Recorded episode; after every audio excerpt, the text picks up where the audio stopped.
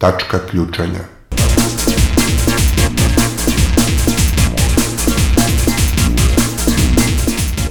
Podcast o protestima.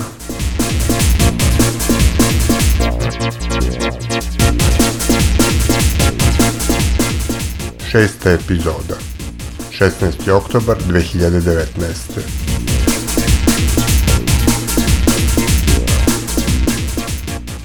Dobrodošli u šestu epizodu Tačke ključanja u kojoj ćete moći da čujete kako je izgledao protest ispred centralnog zatvora protiv hapšenja uzbunjivača u slučaju trgovine oružjem. Nisi sam, Aleksa! Nisi sam, Aleksa! Zašto su penzioneri blokirali Zrenjaninski put? Više brinu za kerove nego za penzionere. Neka izvine presnik, ali to je tako. Šta se opet valja u vazduhu iznad Bora i Šapca? Je obećano ovom narodu? Da su 400-500 miliona. Ko je i zašto protestovao ispred Turske ambasade? Žin, Žian, Azadi. To znači na kurdskom žene, život, sloboda. Šta se dešavalo na 45. protestu 1 od 5 miliona?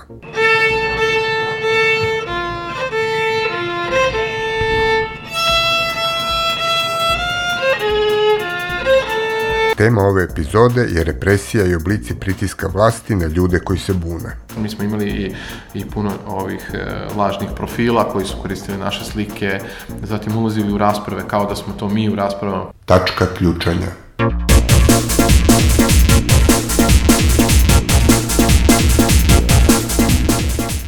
Na početku ove epizode idemo pred centralni zatvor, gde se u nedelju desio spontani protest protiv hapšenja Aleksandra Obradovića, radnika Valjevskog krušika koji je razotkrio aferu oko trgovine oružja teroristima sa Bliskog istoka, u kojoj je upleten otac ministra policije Nebojša Stefanovića. Ovo hapšenje Obradovića i njegovo prebacivanje u CZ u Beogradu bilo je skriveno od javnosti više od tri nedelje, a kad se za to pročulo, Prva je crtu povukla jedna do sad manje poznata organizacija pod nazivom Inicijativa žena Srbije. Njihovom emotivnom pozivu upućenom u nedelju popodne preko društvenih mreža, u roku od nekoliko sati odazvalo se oko 120 građana koji su došli pred CZ. Okupljenima se obratira Biljana Stojković u ime Inicijative žena Srbije. građanin koji je razumeo šta je njegova obaveza, a to je da raskrinka korupciju, raskrinka šta se dešava u ovoj državi kada je došao do tih dokaza. On je u zatvoru već 20 dana. Niko nije ni znao da je on u zatvoru, tako da nam postaje jasno da smo došli do nivoa ludila koje podrazumeva da ljudi nestaju u mraku. Mi ne damo jednog od nas i to moramo jasno da im kažemo. Da izvršimo pritisak kako znamo i umemo. Da se ovaj odgovorni građanin pusti iz zatvora, da se sudi onome kome treba biti suđeno. Solidarnost je naša snaga i to stalno moramo imati u vidu. Ovaj skup nije imao nikakav isplaniran scenario, ali je bilo mnogo emotivnih reakcija prisutnih građana.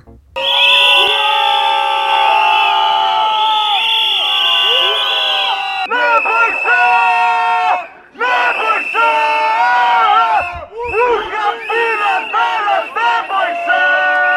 Uhapsite ministra! Uhapsite ministra! Idite tatu! Nisi sam, Aleksa! Nisi sam, Aleksa! U jednom trenutku sa zatvorske kapije akademik Dušan Teodorović preko megafona se obratio policajcima postrojenim u dvorištu ispred kapije. Nažalost, ministar Nebojša Stefanović je upleten u dobijanje lažnih diploma, a njegov otac Branko Stefanović je upleten u za sada sumnjivu trgovinu municijom iz Valjevskog krušika preko firme GEM sa ortakom Todorovićem. Postoje podaci o tome, možete da čitate izveštaje agencije KRIK i tako dalje. Ponuđena je odgovarajuća dokumentacija, cifre se spominje od 43 miliona evra i tako dalje. Na to je ukazao osuđenik koji se ovde nalazi. I umesto da pravosudni organi naše zemlje Srbije istražuju o čemu se radi, tajno je doveden čovek ovde u centralni zatvor i mi smo kasno saznali da je on već 10 dana ovde, da smo znali mi bi obezbedili mnogo bolju pravnu zaštitu, no, najbolje advokate krivičare u ovoj zemlji. Znači, mi nismo rušioci koji su došli da poruše ovu ogradu, ali smo došli da uložimo građanski protest, iskreno, iz srca. Smatramo da naša zemlja zaslužuje bolje, da ne zaslužuje mafijašku državu i borit ćemo se najviše što možemo da slomimo tu mafijašku državu.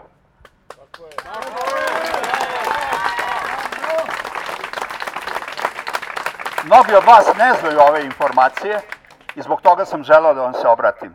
Ne sumnjajući u vaš patriotizam, u vašu čestitost, u činjenicu da ste dobri ljudi, da imate svoje porodice kojima želite sve najbolje, kao i mi našim porodicama. Ja vas molim da razumete ove ljude iza mene i mi ćemo svakako da dolazimo i sutra i prek sutra i bit će nam sve više i više i ovde i pred Katanićevu ulicu gde su tužioci i sudije, jer ovo mora da prestane. Razmislite o jednoj stvari. Doći će trenutak kada će da se preispituje svačija uloga u vremenu u kome živimo. Hvala vam što ste me saslušali. Prvobitni plan pokretača ovog protesta bio je da se demonstranti okupljaju ispred CZ-a svakog dana u 18 časova, sve dok Obradović ne bude pušten na slobodu. Sutradan je pred kapiju CZ-a došlo oko 200 građana. Budući da su učesnici protesta obavešteni da je Obradović premešten u kućni pritvor, novih okupljanja ispred CZ-a više neće biti, pa je tako ova iznenadna protestna akcija okončana relativnim uspehom. A pred zaključenje ove epizode Tačke ključanja dogodio se još jedan važan protest, ovaj put na Zrenjaninskom putu na izlazu iz Borče. Tamo su u utorak penzioneri iz PKB-a blokirali Zrenjaninski put na sat vremena. Nezadovoljni zbog toga što im je država posle prodaje PKB-a arapskim kupcima uskratila pravo na deonice ove firme.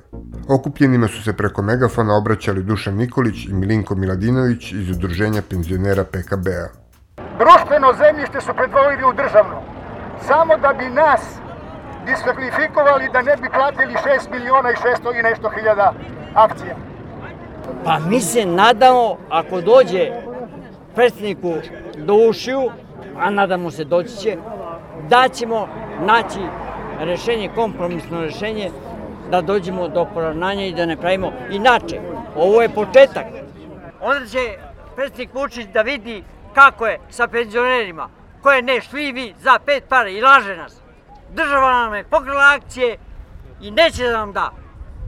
I prodato 34 objekta ima tamo, nema ih u papirima. Znači poklonili su to nekom, verovatno njihovom nekom, nisu meni. Moramo vratimo sve što je naše. Da. Mi smo to zaradili sa motikom i lopatom, ljudi, da vam je to jasno. Pored naše zabrane, nas krade i prodaje ovo što je ostalo, a to je 5000 hektara koji smo mi kupili, radili prekovremeno, subotom, nedeljom, praznikom i 13. platu nismo primali, nego smo kupovali zemlju. I sad tu zemlju prodaje Vučić i prodaje Ana Brnabić i prodaje a, sekretar Privredne komore Dragan Stevanović Boske, više se brinu za kerove nego za penzionere. Tako je. Neka izvine predsjednik, ali to je tako. Ja sam predsjedniku Republike poslao na internetu i na Twitteru sam napisao otvoreno pismo. Zamolio sam ga da za 15 dana nam se javi. Ukoliko se za 15 dana ne javi, onda ćemo mi još veće i veće radikalizaciju napraviti nego što je ovo. Zato, ukoliko se predsjednik ne javi za 15 dana, da primi jednu našu delegaciju, pošto se toliko kune u nas penzionere, a mi smo najbedniji penzioneri. Mi smo 10 km daleko od grada, a niko nas ne prima. Niko ne ogreće glavu prema nama. On je pomogao Železari Smederevu, pomogao je Boru, pomogao je Pančevu, pomogao je ovima za Franke, što su došli s Tedišama. Pomogao Dodik. Pomogao je on mnogo svima, a ne može nama na 10 km grada Beograda. Na dogovorenom mestu okupilo se nešto preko 250 penzionera koji su organizovali blokadu Zrenjaninskog puta na dva mesta, što nije bila jednostavna logistička operacija. U realizaciji ove blokade imali su punu podršku pripadnika policije. Dule, sever, dogovorili smo se. Pa sever nema, samo su došli sa, nema sever. Ako ima neko iz, iz Čente, iz Dunavca, sa, sa Foka, neka idu gore. Dunavac, Fokus.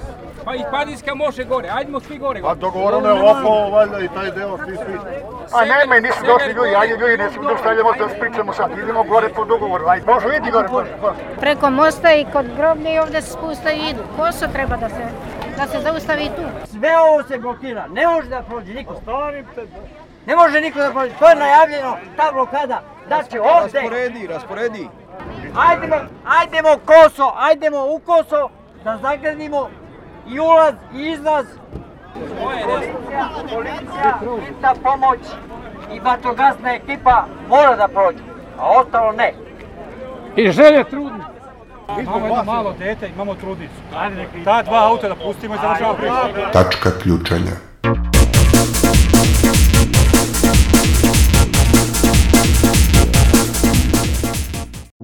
Protest penzionera završen je najavom novog okupljanja u petak u 11 ispred Privrednog suda u Masarikovoj ulici. A u ponedeljak je u Boru organizovan još jedan protest koji je morao da rešava problem blokade na dva mesta. Bio je to ponovljeni protest Borana protiv zagađenja vazduha. Na početku okupljanja Katarina Vasković je u ime organizatora pročitala zahteve lokalnim vlastima. Pod 1. Da gradska uprava hitno donese kratkoročni akcioni plan, jer bez njega ministarstvo i republičke inspekcije ne mogu da reaguju na alarmantno zagađenje u Boru. Pod 2. Da nadležni koji su po zakonu bili dužni da ovaj plan sprovedu, snose odgovornost. Pod 3 da preko svih medija u Boru nadležni svakodnevno obaveštavaju građane o količini zagađenja, navodeći tačna imena štetnih materija i tačna meranja sa gradskih mernih stanica.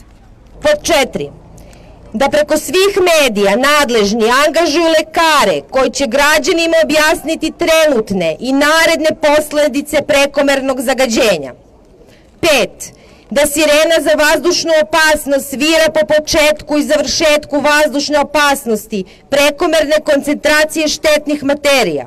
6. Do donošenju kratkoročnog akcijonog plana, Ministarstvo izda naloge Republičkoj inspekciji da reaguju u skladu sa zakonom Republike Srbije.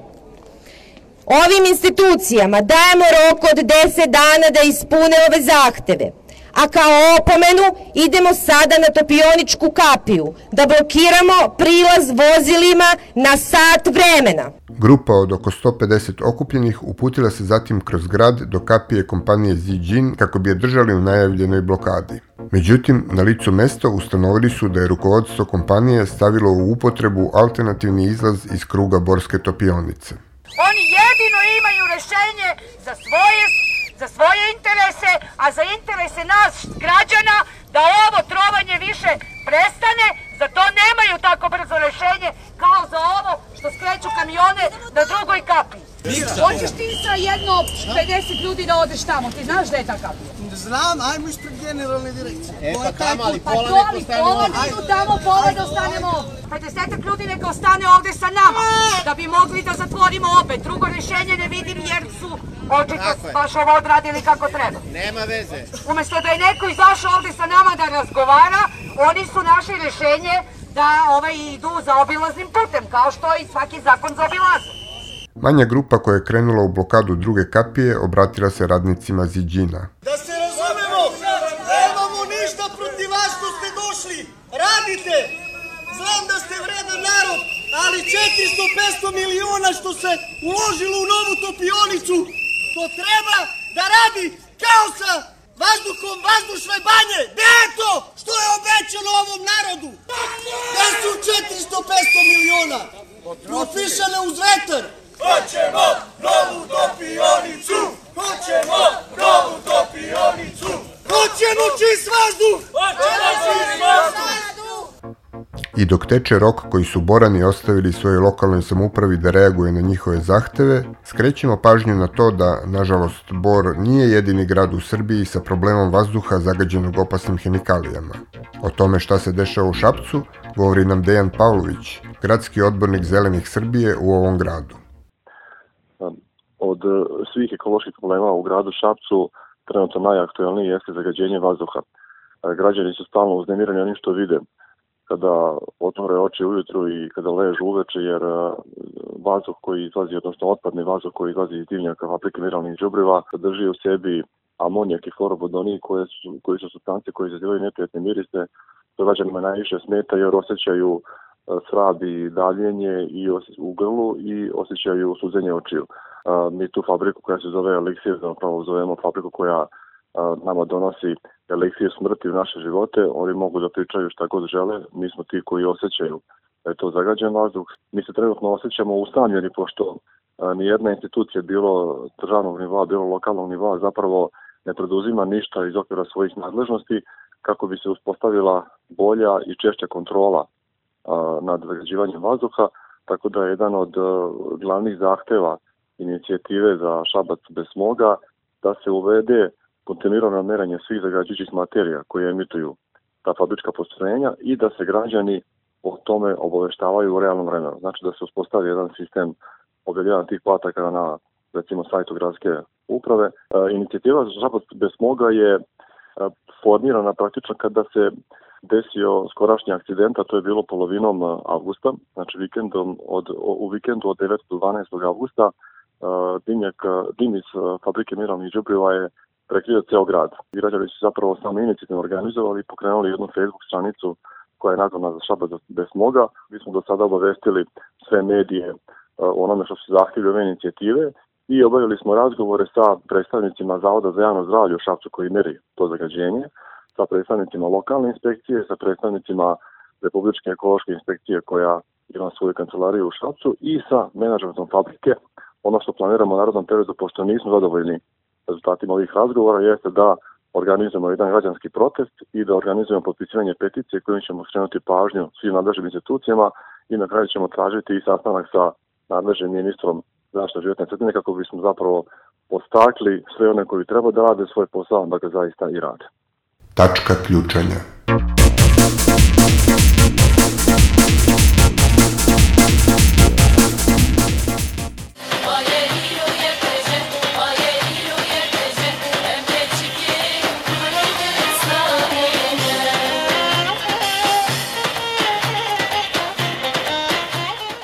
Ova lepa kurdska pesma mogla je u subotu da se čuje u centru Beograda, ali ne baš lepim povodom.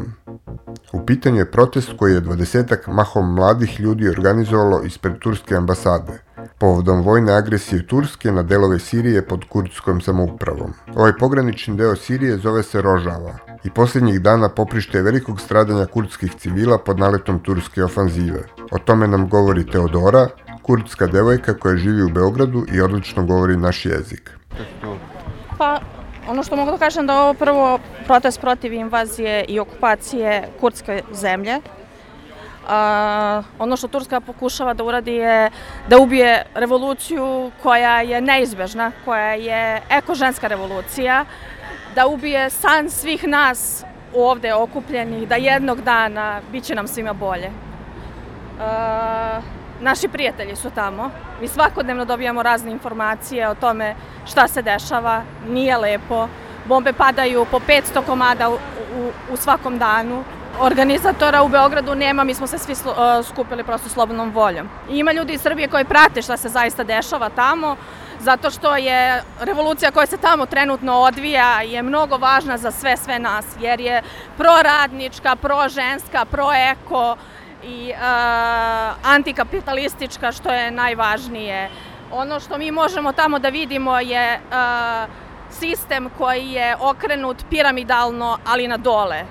Tako da onaj ko vi odlučujete sami o tome šta su zakoni u vašoj ulici, u vašem kvartu, u, u vašem gradu, a ne neko ko je na vrhu, ko je izabran. Rusija recimo. Je.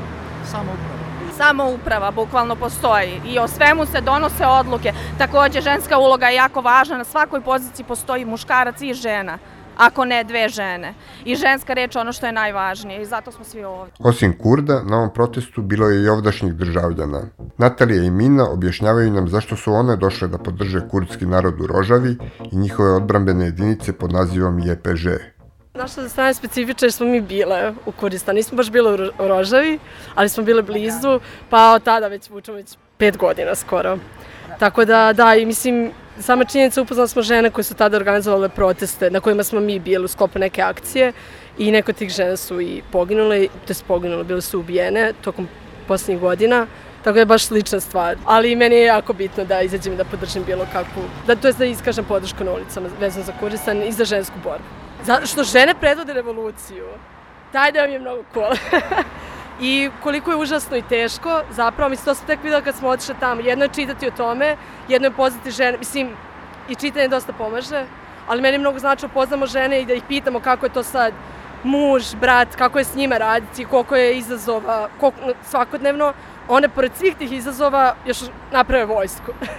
I to što one potpuno dekonstruišu vojsku u tom smislu kako se organizuju i, i ovaj, kako prolaze trening i to, tako da to nije klasična vojska Nego na koju smo... jedinica, da, mislim da, da. drugačije se zove, nije vojska, mi kažemo da, da, da. vojska, ali je odbrana jedinica. Super, super kako rade, da, kako da kako prave treningi, to nisu samo, dakle,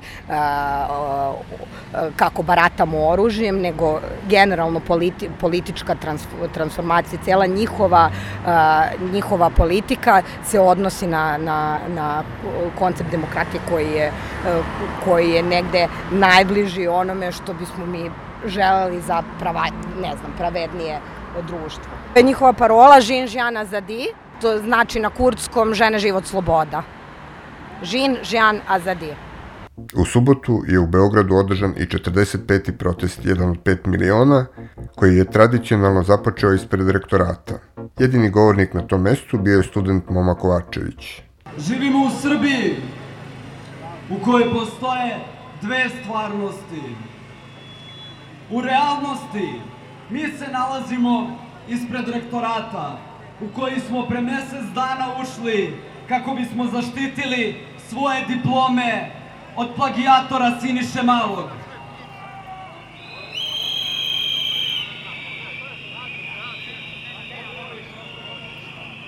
U srpskoj naprednoj realnosti mi smo strani plaćenici i izdajnici dok oni pregovaraju na jahtama. Kolona od oko 1400 okupljenih prošla je pored predsjedništa Srbije, gde je studentkinja Ana Knežević odsvirala na violini imperialni marš iz Ratova zvezda.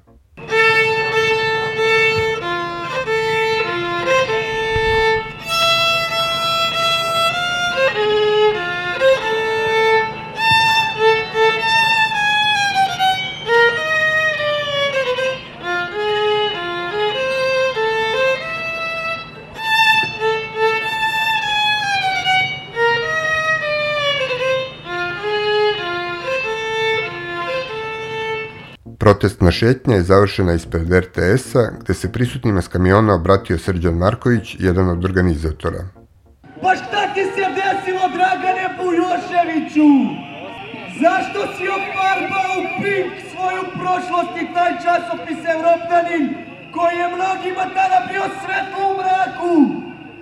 Zašto si postao glavna osoba koja sada gasi svetlo?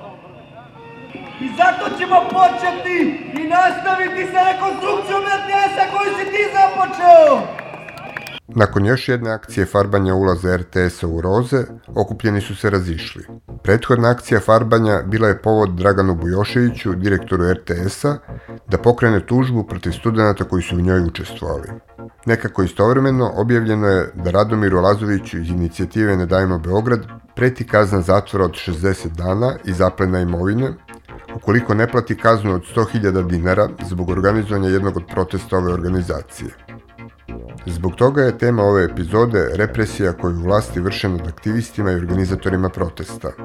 O tome nam prvo govore Srđan i Sofija, studenti koji su bili na saslušanju zbog farbanja RTS-a. Pa optužnicu je podneo, mi nismo zvanično videli u suštini, zato što dok se ne završi slučaj mi ne možemo da vidimo, tako da to pitanje za samog Bujoševića, ali ono što je, se može videti jeste da je to član za vezan onaj član što se koristi pri priredbama sportskim. Znači, to je taj član za nasilničko ponašanje i sve kako to ide. Tako da u suštini sve što je on, što je tamo navedeno nema nikakvog osnova i možemo videti čisto kao pretnju ovaj, i zastrašivanje, ništa više od toga. Znači, niti smo huligani, niti smo nasilnici, niti idemo na sportske utakmice, ovo su samo umetnički performansi kojima se iskazuje nezadovoljstvo. Mi smo rekli šta smo radili, nismo ništa lagali, nemamo ništa da krijemo. Uh, reagovali su kao što bi inače reagovao bilo ko ko shvata šta smo uradili. Dakle, mi smo se borili za svoje prava. E, nismo radili ništa zlonamerno, niko od nas nije imao ideju da trajno uništi RTS ili da pokvari bilo šta na toj zgradi. Između pola sata i sat je trajalo to saslušanje. Slušanje moje trajalo malo duže, zašto sam se na mene vodi ceo protest tamo i u suštini što sam im ja rekao ono što oni rade jeste kršenje ustava i sloboda izražavanja i kršenje međunarodnih konvencija UN-a. Ovaj, takođe, zašto, jedan od razloga, koji je jedan od stvari koje pokazuju da RTS ne radi svoj posao i da ne da krši zakone i sve to jeste u suštini sam izveštaj Evropske komisije. I to smo isto spomenuli, ovaj, u, tačnije Sofija baš to spomenula taj deo u svom svom izlaganju policiji. Tako da u suštini ništa spektakularno, ali ono standardno što se radi, što se dešava i ljudima iz Nedajmo Beograd, što se dešava 2017. ljudima koji su organizovali, koji su bili, koji su, koji su pokušali da nametno su organizovali protek, spontane proteste 2017. To je jedna vrsta pritiska na ljude da bi se zaplašili ljudi, što oni konstantno rade, oni vladaju u suštini time što plaše ljude i teraju ih da ostanu kod kuće i da, da im kažu, ma nama to ne treba. Je li vama lično to prvi e, susret sa policijom ove vrste? Meni jeste. Meni nije, mene su i ranije bili zbog RTS-a, se na mene vodio o protest kad je Boško Bradović upao u RTS, pa sam ja dao izjavu. Tad, tad, tad je trebalo malo još i duže, ali ovaj, u suštini prošlo je sve na kraju neosnovano, kao što će proći i ovo. Srđan i Sofija govore i o tome da li su ostali njihovi kolege i koleginici iz organizacije 1 od 5 miliona imali slične vrste neprijatnosti. Pa imali su, na šest je sad privedeno bilo, tačnije, krenuli su sa privođenjem, znači kao što su kod mene teli da privedu posle RTS, sad su krenuli direktno vrati ljudima dolaze da ih privode. Ovaj, posle nekog vremena to smo se dogovorili da ćemo doći, da nema, nema potrebe da nas privodi, ćemo sami doći da damo izjave. E, pa ima još dosta nekih prijava i prekršaja koji traju i koji su u postupku. I ja imam još neke u stvari prekršaje u postupku, ovaj, ali vidjet ćemo kako će to ići. Znači, generalno protiv organizatora protesta ima dosta prekršaja koji stoje negde sa strane i čekaju neki bolji trenutak očigledno da izađu u javnost sama pretnja Gorana Vesića koja je izašla, tačnije one podkrnute krivične prijave protiv ljudi koji su farbali uh, Trg Republike Kocke u Zlatno, ovaj, isto jedna vrsta, vrsta pritisaka koji još, još manje osnova ima nego ovo sa. Ja imam da dodam na ovo prethodno pitanje da smo mi blokadom rektorata uradili jednu veliku stvar i da mislim da je njih to uplašilo, da su zbog toga u ovom trenutku pokrenuli te postupke i da na neki način pokušavaju da nas zaplaše baš zbog toga što su se oni uplašili. Tačka ključanja.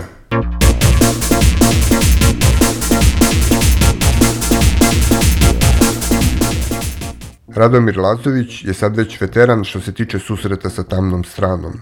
Evo kako su njegova iskustva sa pritiscima vlasti i zbog čega mu sad sude. Konkretno nas jure zbog organizacije protesta koji, je koji se desio 15. februara 2017. godine. E, radi se o protestu kada je e, tadašnja bivša supruga Siniše Malog, gradonačelnika tadašnjeg, izašla u javnost sa informacijama o, o njegovoj direktnoj umešanosti u ovaj, rušenju Hercegovačkoj. Tada je KRIK objavio te informacije i mi smo u roku od dva dana uspeli da mobilišemo onaj veliki broj ljudi i da, i da ovaj, e, napravimo protest. E, problem sad, e, problem u tom procesu jeste to što nismo ispoštovali rok za prijavu ovaj, policiji. Taj, ovaj proces je jedan od 30 sličnih sudskih procesa koji se vode protiv inicijative Ne dajemo Beograd.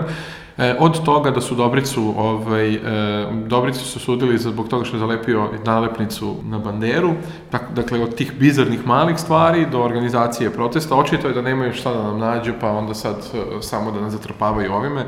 Jasno je da se radi o pokušaju iznurivanja, pošto i materijalnog i, i, i, i vremenskog i, i svakog drugog, nikome nije prijatno da ga pozivaju u zatvor, posebno nije prijatno da, da vam prete plenitbom imovine, opet S druge strane, to je realnost koja živi veliki broj ljudi u Srbiji, pa nismo mi ništa specijalno, ali eto ja da kažem, moj ličnu, lični utisak stvarno nije prijatno.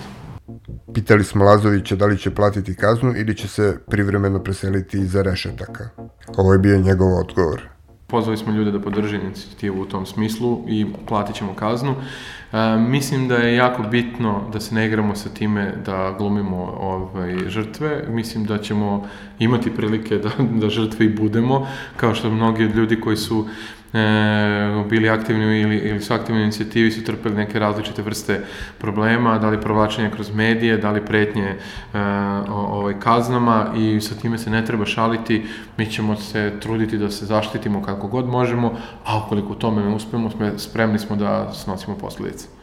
A osim ovih e, sudskih i medijskih pritisaka, koje još vrste pritisaka su aktivisti inicijative doživljavali do sada? E, mi smo podali veliki broj prijava o, o, o tužilaštvu za višako-tehnološki kriminal, recimo za pretnje i, i, ove, i huškanje na nasilje koje smo dobijali preko društvenih mreža. Mi smo imali i, i puno ovih e, lažnih profila koji su koristili naše slike, zatim ulazili u rasprave kao da smo to mi u raspravama, pa onda te neke ekstremiste dodatno huškali na nasilje i slično.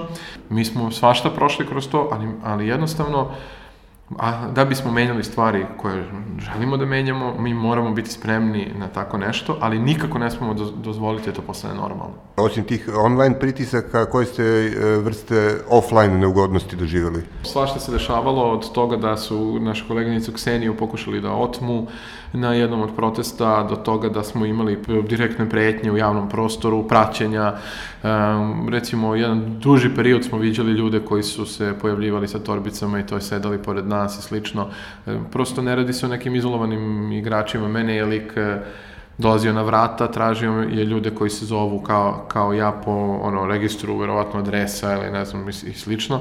Onda recimo prisluškivanje telefona, to smo, ovaj, to imamo i napismeno da su, da su to radili. Mislim, nismo mi naivni da, zna, da ne verujemo da nas prisluškuju, Ali nekako kad se o tome priča ovako kao u kafani za, za negde, to je jedna stvar, a kad to vidiš i osjećaš i dešava ti se malo drugačije i onda je nekako to opet budeš iznenađen do koje mere to ide, jer inicijativa Ne dajemo Beograd nije, nije velika organizacija, a ogroman trud su učinili da je, da je zaustave i možda jedan od to najvidljivih organizovanih e, e, to stvari koje se dešavala jeste u izbornoj kampanji kada su na svakom ćošku bukvalno gde god smo mi bili a, a, a, i organizovali događaje, imali smo ekstremiste koji bi se pojavili da, da, ovaj, da li oblepe sa Soroševim slikama, da li naprave neku, neku drugu vrstu diverzije.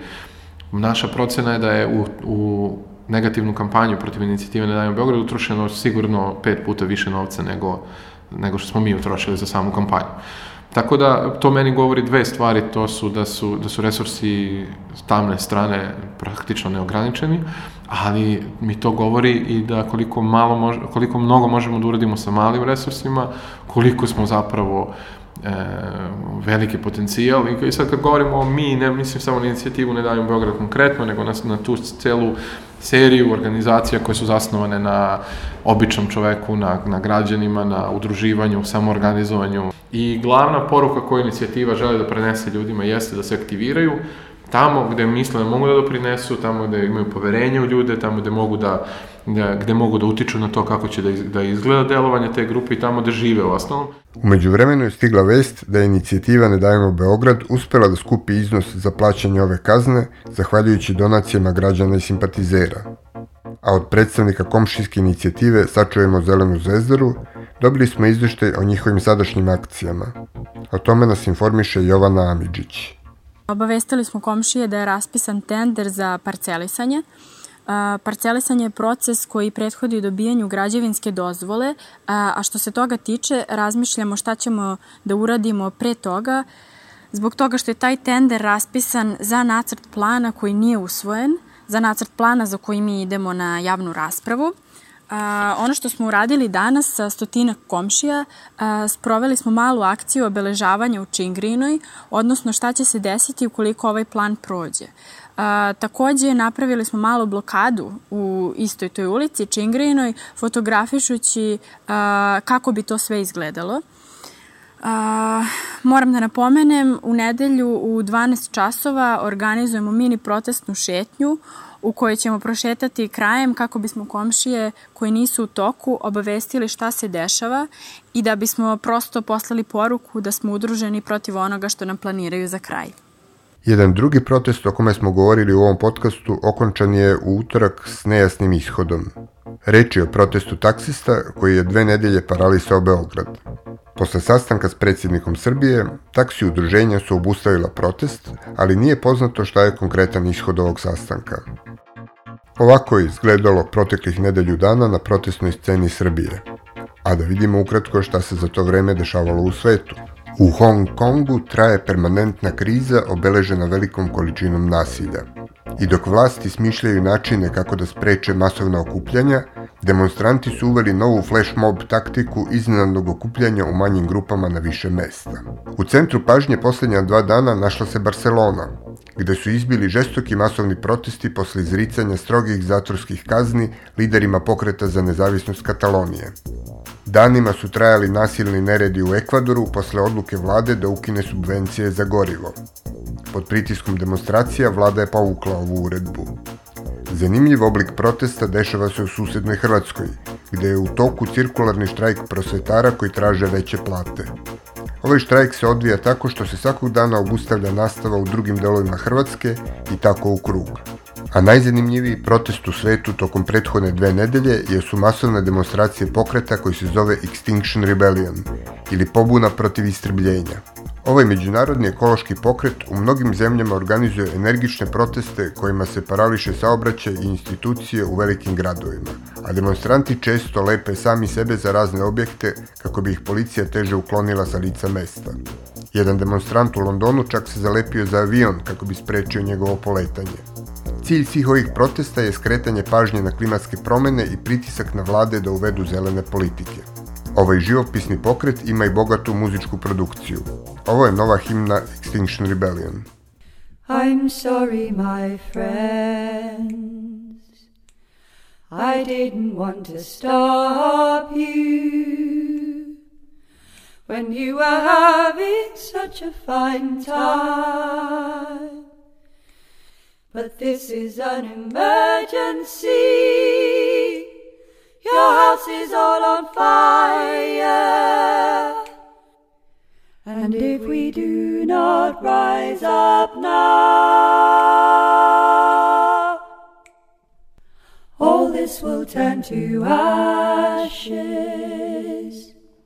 Iako Extinction Rebellion postoji i deluje u mnogim zemljama širom sveta, istraživanje tačke ključanja među domaćim ekološkim aktivistima pokazalo je da u Srbiji još uvijek nema ogranka ovog pokreta.